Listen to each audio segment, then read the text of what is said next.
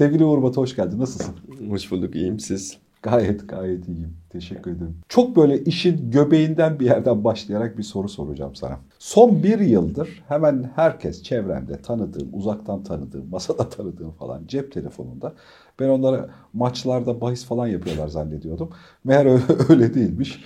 Ee, arka tarafta bir tür kendi ezoterik bilgi grubunun içerisinde bir hafta 10 gün geçirdikten sonrasında herkes bir yatırımcı modü, modülü falan böyle hani tek kulaklıklı falan hani şeyler. Grafik okuyanlar. şeyde aralarında böyle karizmatik cümlelerle beraber şu kripto paralarla e, coinlerle e, ilgileniyor. ilgileniyormuş gibi görünüyor. Ve şimdi gördüğüm mevzu şu. Hemen herkes bu konuyla alakalı hiç arada negatif öykü duymadım. Herkes para kazanıyor. Yani hani konuyla alakalı. Son bir yıldır gez... hemen hemen öyle oldu zaten. Ha, herkes para kazanıyor ve tuhaf yani. Hani Son bir hafta bir hariç. koyuyor 20 alıyor ve buna kızıyor falan yani. Hani bir ayda bir koydum 20 bin lira koydum 20 bin lira aldım ve çok düşük yatırım oldu falan. Bir de böyle hani ya böyle cümlelerle falan. Ama niyeyse herkes böyle 5 bin lira 10 bin lira civarında bu arada. Hani konuyla alakalı. Hiç kimse 50 yüzde yatırmıyor. Ya da yatıranlar varsa da en azından benim çevrem fakirmiş. şeyde. Şimdi burada şöyle bir e, soru var kritik bir soru. Herkes burada para kazanıyorsa birinin para kaybetmesi lazım. Kim para kaybediyor? Aslında güzel burada temel mesele de şey e, bu teknolojinin arkasında herhangi bir e, daha doğrusu en baştan alayım ben. Al. Yani kim para kaybediyor sorusunun cevabını oradan alalım ki çünkü insanlar genellikle bu kripto paraların genelde ne olduğunu da çok bilmiyor. Hatta çok yatırım yapanlar da bilmiyor. Aslında blockchain diye bir teknoloji var. Bu teknoloji kuvvetli ihtimal bizim konuştuğumuz bu yapay zekalar, sensör algoritmalar vesaire arasında çok kısa vadede iş dünyasını, iş yapış biçimini, e, ev hayatını, özel hayatı, gündelik hayatın sosyolojisini bu anlamda en fazla etkileyecek olan ve etkilemeye de başlamış olan teknoloji gibi duruyor. Normalde bakıldığında nasıl tanımlayabilirim onu?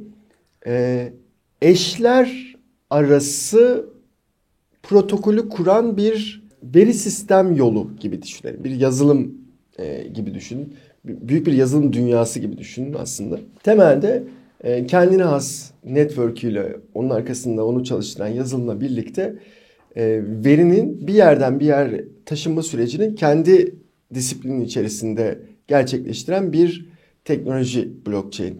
Yani internet bizim World Wide Internet dediğimiz teknolojiyi kullanıyoruz. İnternete bir veri yüklediğinde o verinin eşsizliğini vesaire falan garantileme ihtimali yok. Veriyi yüklediğinde veri her ne kadar bir takım şifreler bile koysan herkesin ulaşabileceği bir veri tipi olarak görülüyor. Blockchain'de ise zaten en önemli özelliği verinin eşsizliği ve güveni.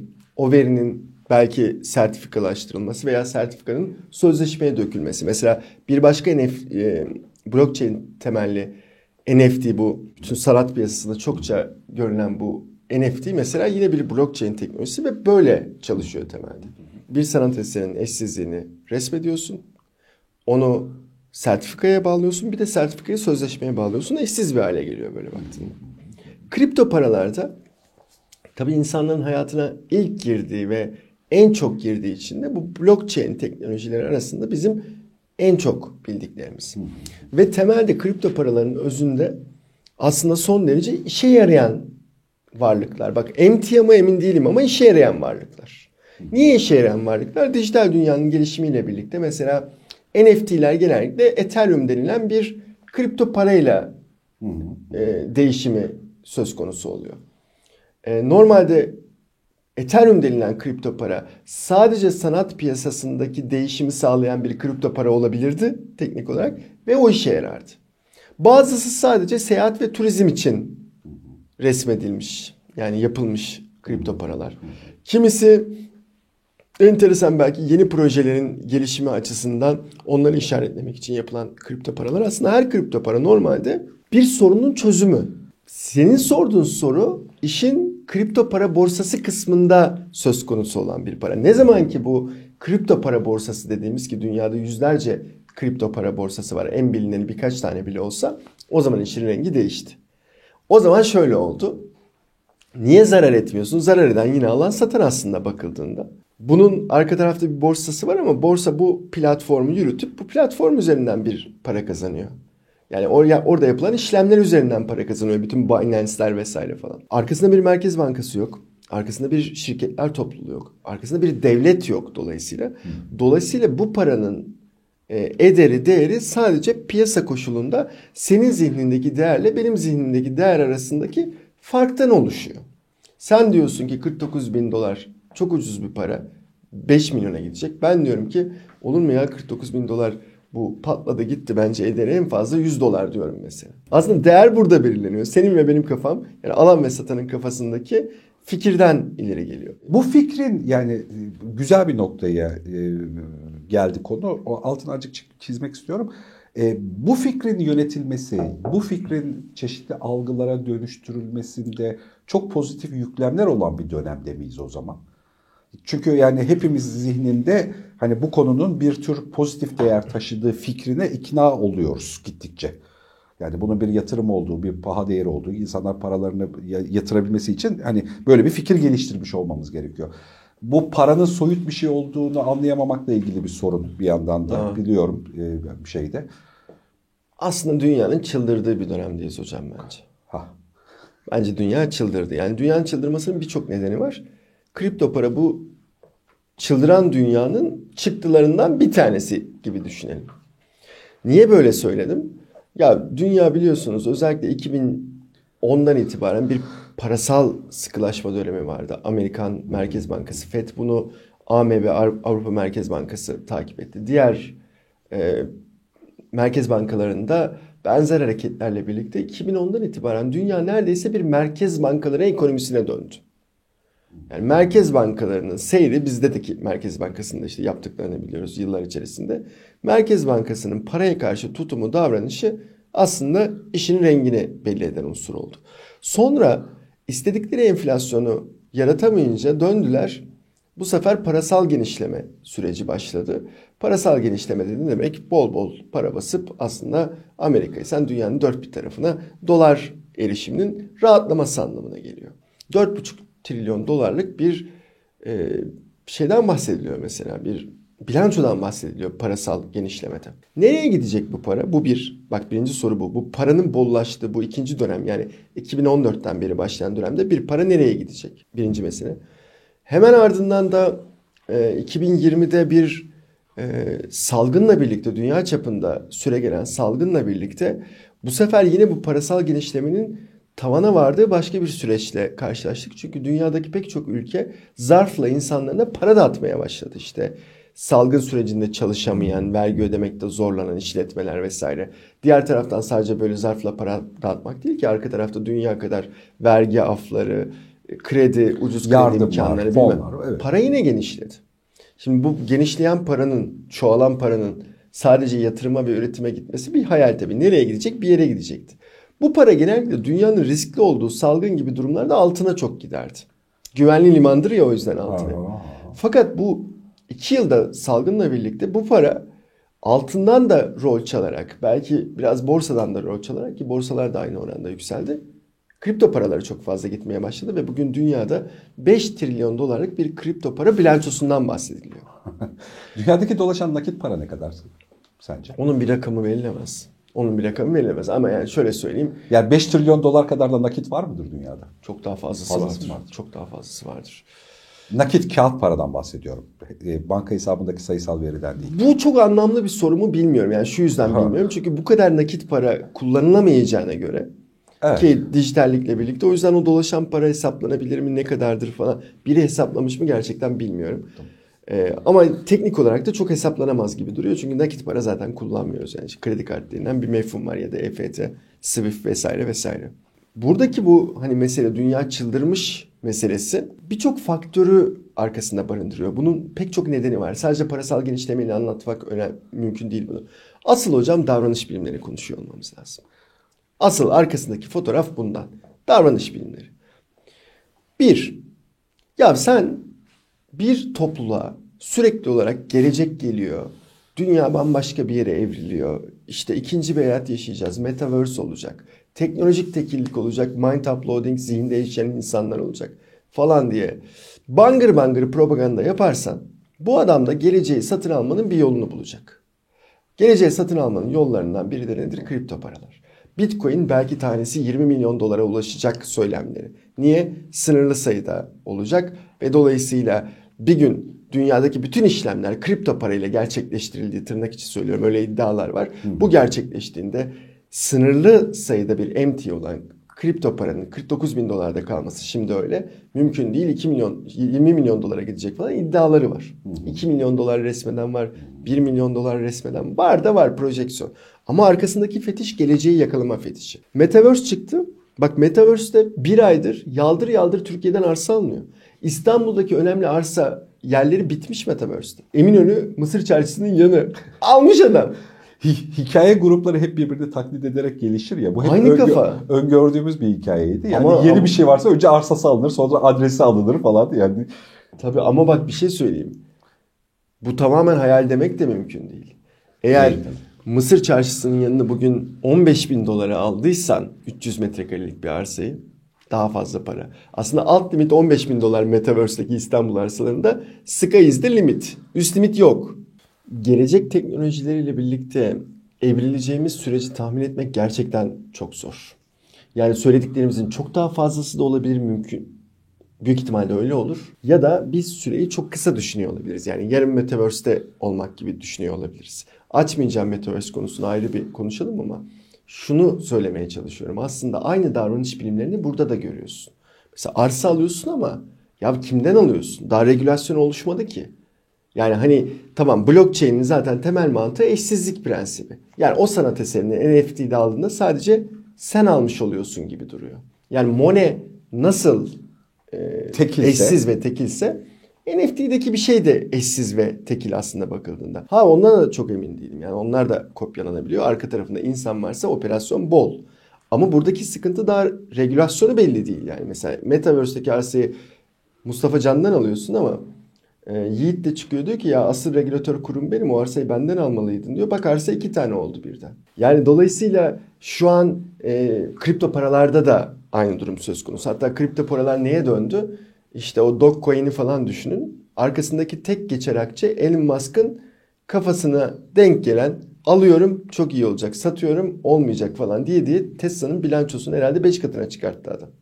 Yani o bir biliyorsunuz diğer e, coinlerle dalga geçen e, bir e, satirik coin aslında bakıldığında ama bu hale kadar geldi. Dolayısıyla birinci prensip bu gelecek fetişizmi dediğimiz şey gelecekte her an yer almalıyım prensibiyle insanları bir davranış kalıbına etti. Bu bir.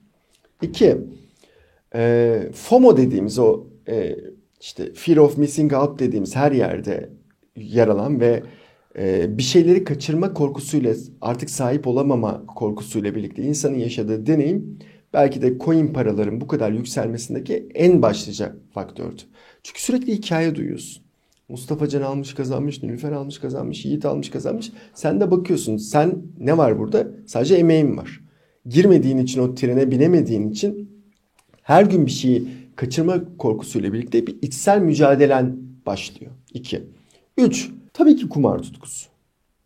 Evet. Ya bir parçası tabii ki kumar yani. yani ne dersen de bir parçası kumar. Çünkü arkasında bir hazine yok, ar- arkasında bir merkez bankası yok. Yani bugün çıkıp Amerikan Merkez Bankası ya biz SWIFT sistemi nasıl olsa ellerinde ve dese ki e, bundan sonra para transitionlarında, geçişlerinde hiçbir şekilde dijital hiçbir paranın kullanılmasına izin vermeyeceğiz. Geleceği biz Amerikan Fed coin olarak yakalamak istiyoruz ki bu, bu tür bir sürü çalışma var biliyorsunuz. Dediğinde mesela bu paraların tam durumu ne olacak? Yani sonuçta Merkez Bankası devletler falan ticarete hakim. İşte yıllardır bakın Amerikan Çin ticaret meselesi çözülemiyor. Dünya bu kadar da şu an ulus devletlerden falan kopuk durumda değil. Onların izni olmadan ne yapabiliyorsun? Yani en azından çok yaralar. Mesela Çin'in ben asla kullanılmasına ve bende e, ticari olarak e, üretilmesine veya üretilmesine izin vermiyorum dediği an o coinlerdeki ilk büyük çöküş gerçekleşmişti. Sonra diğer koşullar yerine oturdu ve tekrar bir yükseliş eğilimine girdi ama yani Çin'in haricinde diğer ülkelerde bu pozisyona gelirse o zaman durum çok enteresan. Orada da şunu söylemek lazım. Davranış biliminin dışında bir senaryoyu yorumlamak için söylüyorum. Bütün aslında devletlerin özellikle büyük ve geçer akçe olan para birimlerin dolar, euro vesaire falan hatta şimdi yuan, e, yen, bütün o grubu düşünün. Frank falan, sterlin. Temel para gücünü senyorej etkisi dediğimiz bir etkiye dayandırır. Yani o senyorej etkisini devletler, merkez bankaları ellerinde tutmak isterler. Kripto paraların bu kadar yaygınlaşması paranın senyorej etkisi anlamında Merkez Bankası ve hazineler ve devletler açısından büyük risk. Oradaki temel dip senaryodaki soru işareti şu. Devletler senyorej etkisinin gücünden vazgeçerler mi? Bak çok kritik bir mesele. Çünkü vazgeçerlerse o zaman biz şu an mesela 11 lira civarı dolaşıyor dolar. Ne demek? Amerika bize kabaca şunu söylüyor. Veya işte bizim para birimimizin karşılığı. Sen 11 birim emek hizmet üreteceksin. Ben onu bir birime satın alacağım diyor. Aradaki o emek farkı aslında senyöraj etkisinden geliyor. Yani onun parasının senin parasın, parandan daha değerli, daha yaygın, daha rezerv, daha geçer olması prensibi. Senyöraj etkisi kaybolursa, azalırsa ya da o 11 bir olmaz. Yani bir gün çünkü şu an coinlerin çoğu dolarla satın alınıyor ama dolarla satın alınmayan coinler de piyasaya çıktı ve daha da yaygınlaştığını düşünün. Yani arkasındaki rezerv parayla ilişkisini kestiği anda devletler için bambaşka bir senaryo gerekiyor. Olur mu? Ama o zaman başka bir senaryodan söz ediyoruz. Bakın ülkenin refahından bahsediyorum. Başka bir şeyden bahsediyorum. Üçüncü mesele kendini gerçekleştiren kehanet. Geleceği bu kadar anlatıyorsan, bu kadar işte milyon dolarlar olacak, gelecek, uçacak, kaçacak bilmem ne yerinizi alın. Metaverse'de işte sensörlerle çalışın, çipler takılacak işte vesaire vesaire diyorsan bu kendini gerçekleştiren kehanet kuramını biliyorsunuz. Bir zaman sonra kendini gerçekleştirir. Bütün kehanetler kendini gerçekleştirmekle menkuldür aslında. Yani bunu böyle söyleyebiliriz. Sen de öyle düşünüyorsan, Yiğit de, Nilüfer de ben de öyle düşünüyorsam bir zaman sonra kehanet gerçeğe dönüşür. Bence kripto paraların arkasındaki önemli bir çeyrek de buradan geliyor. Kendini gerçek. Çünkü öyle olacaktı. Oldu. Hadi bir son maddede aklımdakini sayayım soru açalım. Nilüfer Genç ya, Yiğit Genç ya. Bu arkadaşların genç olarak gelecek dünyada yer almasının kendilerine biçilen rolün meselesi mutlaka kripto parayla dolaşmalı bu arkadaş. Mutlaka işte sensörler, çipler, 3D printerlar falan bunlarla ilgilenmeli. Genç çünkü geleceği yakalayacak. Dijital doğanlar, X, Y, Z jenerasyonları bilmem ne sen ben eskidik falan filan ya. Şimdi genç olmanın da gereğini yerine getiriyor aynı zamanda. Genç nedir? Teknolojiyi yakalan. Teknoloji ne? Kripto para. Orada yer alayım. Yani oradaki gençlik fetişizmi de kripto paranın arkasındaki yatırım davranışını kesinlikle destekleyen bir unsur. Ve genellikle de yeni nesil para birimi ve yeni nesil yatırımlar olarak düşünülüyor bu. Kendini gerçekleştiren e, kehanet hikayesine ek olarak söyleyeceğim şeylerden bir tanesi. Gerçekten şu gelecekle ilgili tavrımızın e, bir başka kıtayı keşfetmek gibi bir tavra dönüştüğünü zannediyorum. Orada da bir zihinsel yanılgı oluşuyor. Yani sanki Amerika diye bir, ya da işte Hüblanza diye bir kıta var başka bir yerde. Biz geleceği sanki gideceğiz ve orada var o bir bütün ve blok halinde duruyor. Biz onu keşfedeceğiz. Halbuki gelecek inşa ediliyor ya. Yani şimdiki tavrın geleceği inşa ediyor. Tabii. Yani az önceki anlattığı şeylerin hepsini desteklemek adına söylüyorum. Tabii, tabii, Şimdi aynen. yaptığın şeyle inşa ettiğin yani eğer gerçekten hafif kumar yatkınlığıyla beraber kripto ile ilgileniyorsan kripto değeri de devam edecek gibi görünüyor gelecekte. Şimdi ilgilenmekten vazgeçersen değeri değişecek. Şimdi ilgilendiğin için bunu ilgilenmeyle alakalı hikaye gruplarını, algı yönetimini, biçimini bunu ben şey diye de düşünmem bu arada. Bir merkezi algı dünyayı yönetiyor da düşünmem. Herkesin ortak bir ihtiyacıyla gelişmiş bir şey gibi görünüyor. Ben onu şöyle tahmin ediyorum. Yani gerçekten dijital bir evrende bir şey üretme ve tüketmenin içerisinde olan bir grup yüzde on oluştu. Öyle tarif edeyim. O yüzde onluk oluşan grup uluslararası milli bir zihne değil, uluslararası bir zihne sahip oldu. Onun ihtiyaçlarının karşılığı. Ve gittikçe her yeni gelen kuşak öyle ha Nilüfer. Yani ortaokulda Filipinler'de bilmem ne Amerika'da okumuş insanlardan bir tanesi. Yani hani uluslararası bir zihinle beraber geliyor. Tabii canım, arada- Rusya'da doğmuş falan. Yani kaç altı ülkelik şeyi var. Filip, var. Filipinleri de söyleyeyim madem. Kripto parayla söylediğini unutma lütfen. Tamam. Dünyada en çok kripto para hesabı açan 4 ülkeyi sıralıyorum. Birincisi Nijerya. Zaten yıllardır Boko Haram baskısında kim iktidarda belli değil birbirini yiyor falan durumu var. Bir. İkincisi Vietnam. Zaten hani Vietkonglardan beri pek düzelmedi yani öyle söyleyeyim. Üçüncüsü Filipinler. Yani şu an bile bir darbe olmuş olabilir mesela yani. Her, her an kendini gerçekleştiren mesela 8 önce darbe yapan 9. darbeyi tekrar yapıp dönüyor falan. Öyle garip bir ülke Filipinler. Dördüncüsü kim? Türkiye. Senden öğrendim ama. Benim bak tamam ama benim buradaki soru işaretim şu. Biz niye buradayız? Bak bu çok garip bir şey. Biz gerçekten niye buradayız? Ya bu bu silsilelerde niye Türkiye gibi bir ülke yer alıyor? Ya buranın teknoloji şey coğrafyasına, geçmişine, otantik kültürüne, büyüklüğüne, kurduğu devletlere, insan yapısına falan baktığında burada olmamalıyız biz ya. Biz de mesela en çok kripto yatırım yapan 88. ülke falan olmalıyız. Yani Nijerya, Vietnam ve Filipinler'den sonra ne işimiz var bizim? Peki neden sence? Bir para birimi sürekli oynuyor. Bak de, ya genellikle oynamanın sonu hep değer kaybetme yönünde oluyor da para birimi çok oynak. Yani 2 oluyor, 3 oluyor, 5 oluyor, 10 oluyor, 18 oluyor. Ertesi gün 11'e iniyor. Sonra 14'e çıkıyor, tekrar 11'e iniyor. İnsanların kafasında buna ilişkin hiçbir güven yok. Ne olduğu belli değil. Senaryoları anlatamıyorsun. Yeni icatlar çıkıyor. Modeller çıkıyor. Sonra modelin tersi bir şey yapıyoruz falan. Şimdi böyle bakıldığında muhtemelen adam şeyi düşünüyor. Ya ben ana paramda, yerel paramda olmayayım da hani nerede olursam olayım gideyim alüminyum alayım falan kenara depolayayım. Muhtemelen birinci mesele bu. Bu kadar volatil bir ortamda biz öyle deriz yatırım e, biliminde yani yatırım anlayışında volatil sürekli inen çıkan hareket eden vesaire falan. Bu e, insanların davranışlarını ve tutumlarını da etkileyen hatta önce davranış sonra tutum haline getiren bir faktör. Yani mümkün olduğunca buradan uzak kalayım. Kim uzak kalan? Daha dijital mindset kafalı. Daha transit normalde bakın kripto paraların arkasındaki borsa kısmını bile söylüyorum. Kripto parayı almak, izlemek, grafiğine bakmak, ihtimalleri görmek, arka tarafındaki mesajları irdelemek falan çok ciddi bir teknik bilgi gerektiriyor. Yani çünkü görüyorsun izlekleri. Yani bu öyle böyle bir şey değil yani kripto paralar da günde yüzde yirmi artıp yüzde on düşebiliyor. Ama hele ki Türk lirası herhalde son e, iki ayda bence kripto paradan bile daha oynak bir para birimi. Yani meme lira gibi bir şey oldu. Yani meme coin diye bir şey var. Onlar çok daha oynar. Bizimki de meme lira gibi bir şey oldu. Yani hani mesela bitcoin az iniyor çıkıyor falan da hani işte Dogecoin %26-22 falan. Bizimki meme para birimi gibi bir şey oldu son bir buçuk ay. Yani bir, bir kere bundan tabii yani bu ekonomik olarak bize bak yüksekliğini düşüklüğünü söylemiyorum hocam. Yükselir, iner. Bir, zaten pariteyi konuşuyoruz. Daha çok euro ve dolara karşı konumunu konuşuyoruz. Ticareti oradan yapıyoruz. ithalat ihracatı.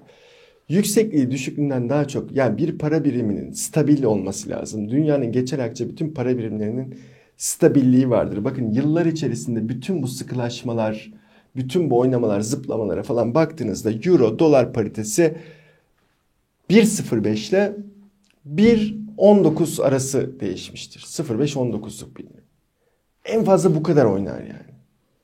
Bizimki aynı yolculuğa 1.90'dan başladı.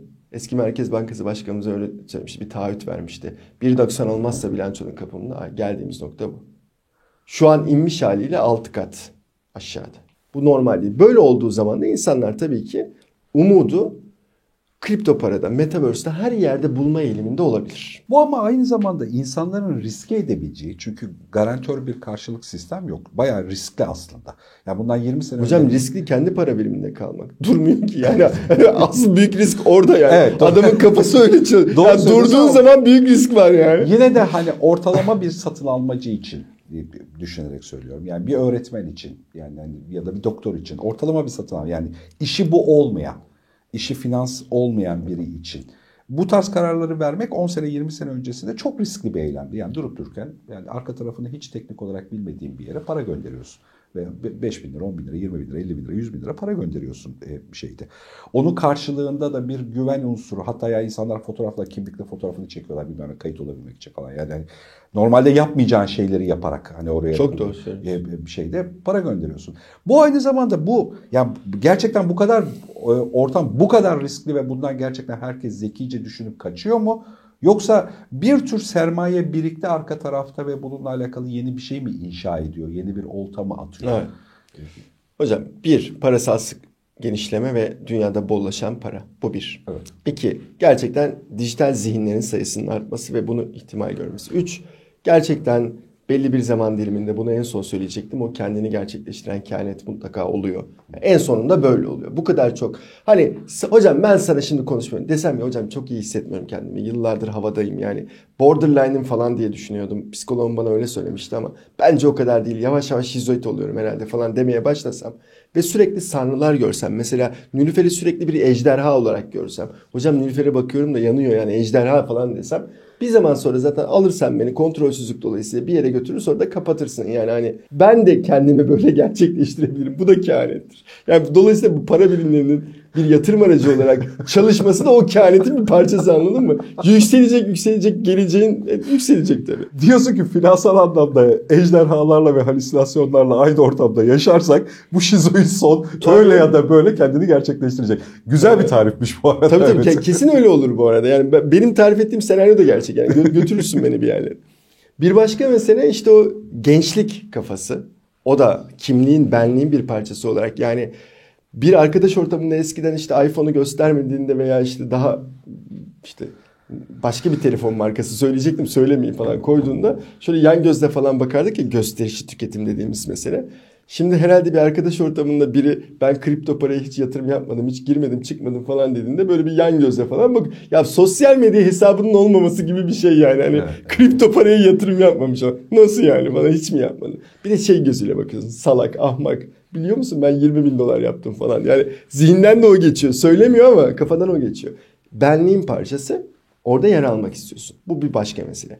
Dedim o fear of missing out meselesi yani bir şeyleri kaçırma korkusuyla da orada yer alıyorsun.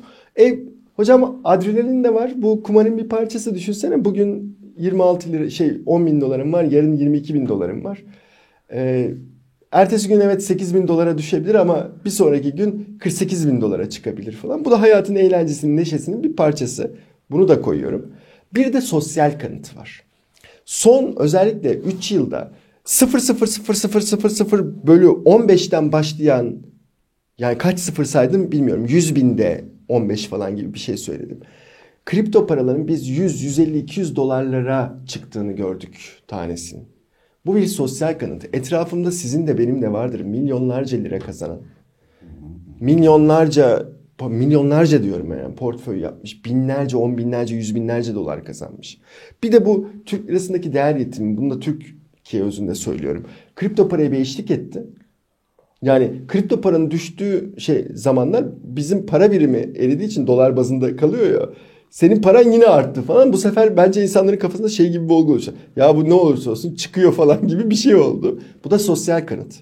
Bir de insanlar biliyorsun e, karar biliminin böyle önemli cümlelerindendir Hani insanlar sonsuz derecede karmaşık ve ilginçtir fakat çıktıları da bir o derece garip, iptidai, arkaik olabilir. Burada bu durumun etkisi var yani deli misin sen buraya yatırıyorsun falan diyorsun. Adam da sana portföyündeki bilançosundaki 820 bin doları gösteriyor. Ben bunu bu arada 3 bin dolarla yaptım falan diyor. Bakıyorsun falan. Şimdi 8, 820 bin doları hesaplıyorsun. Sen ve ben 10 tane ömür yaşasak şansımız yaver gitse sürekli işler yapsak, sürekli büyük paralar kazansak 800 bin dolar şu an acayip bir para ediyor yani. Kaç? 10 milyon falan gibi para. Kolay değil o parayı kenara koymak. Bu da sosyal kanıt oluşturuyor. Bu sosyal kanıtta bütün bu herhalde 7 madde saydım. Bu 7 madde bunlara bazı irili ufaklı bazı şeyler de eklenebilir. Biriktiği zaman şu anda kripto para borsasının davranış bilimini görüyoruz. Ama şunu söyleyeyim son cümle olarak. Bu dünyayı patlatır. Bak çok net söylüyorum altını çizerek söylüyorum. Dünyada emekle onun arkasındaki değerin bu kadar saptığı, bu kadar açısının pergelinin açıldığı hiçbir yüzyıl yaşamadık. Zamanla çalışacak insan bulma ihtimali yok. Zaten Türkiye'de şu anda hani belli grup işlerde asla Türk vatandaşı çalıştıramıyorsun. O yüzden Suriyeliler, Afganistanlılar. Burada adam elinde 2000 doları var ve kriptodan medet umuyor. Kripto varsa kendi var.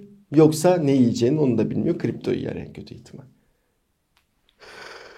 Ejderhalar, halüsinasyonlar ve kripto paralar.